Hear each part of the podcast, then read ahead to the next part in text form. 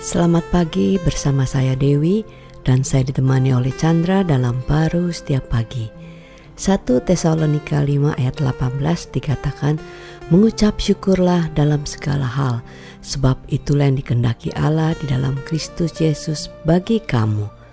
Wah, kalau dikatakan mengucap syukur dalam segala hal itu artinya kan uh, apa pun juga ya keadaannya yang kita alami. Bukan biasanya kan kalau kita mengucap syukur itu kita melihat sesuatu uh, hasil atau yang kita rasakan itu baik indah menyenangkan.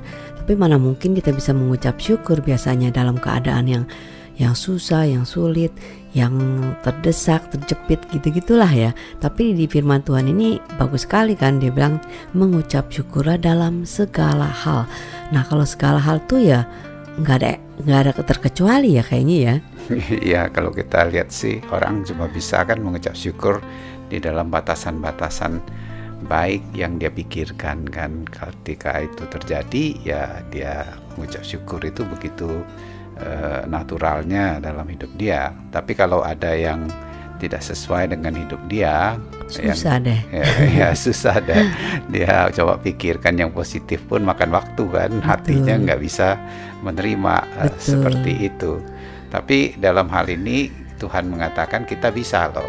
Hmm, jadi karena mengucap syukur uh, tanpa kondisi ya? Ya, bukan karena kitanya, karena kita bilang dibilang kehendak Allah di dalam Kristus Yesus. Hmm. Ya sama lah kayak kita misalnya menemukan satu problem ya, yang nggak kita bisa lagi tahu jalan keluar. Tapi ada seseorang yang berkuasa yang bisa membantu kita. Kita bisa berterima kasih kepada orang itu kan. Hmm. Tapi itu kan juga terbatas ya, manusia juga terbatas. Yang Tuhan inginkan bahwa kita itu punya uh, kehidupan baru di dalam Kristus ini. Maka hmm. itu pandangannya kita kepada Kristus itu. Bagi hmm. dia kan uh, tidak sama ya kalau kita pikir secara manusia yang jelek itu uh, sudah nggak ada harapan lagi gitu kan.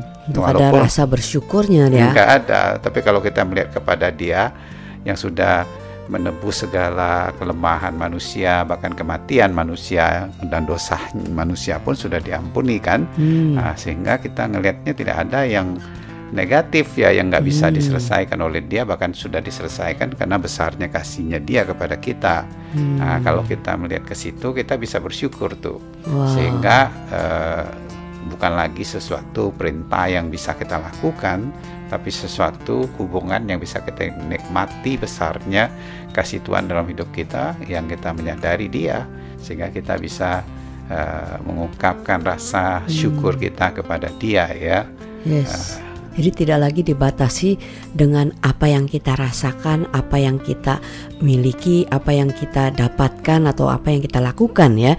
Karena itu hanya sebatas uh, kekuatan dan uh, perasaan kita sebagai manusia yang sudah nggak bisa, nggak mampu, terbatas ya. Tetapi waktu kita melihat kepada uh, apa karya Yesus yang sudah menyelesaikan semua segala hal dalam hidup kita, sudah pasti kita bukan lagi nggak bersyukur tetapi nggak bisa nggak bersyukur tuh ya nggak Iya karena kita nggak lagi membatasi eh, diri kita yang sudah terbatas ini kan hmm. nah, itu yang bukan berarti Tuhan tidak bisa menyelesaikan masalahnya pada waktu itu saja tapi batasan itu kadang-kadang membuatkan kita terus menerus ya bolak-balik di dalam rasa syukur nggak syukur rasa syukur nggak syukur hmm. tapi kalau di sini kita bisa senantiasa lama-lama itu menjadi sesuatu kehidupan kita ya hmm. kita tetap aja yes. sangat bersyukur di dalam hidup ini sehingga menghadapi segala situasi bukan aja ringan tapi muka pun ikut berseri-seri amin gitu.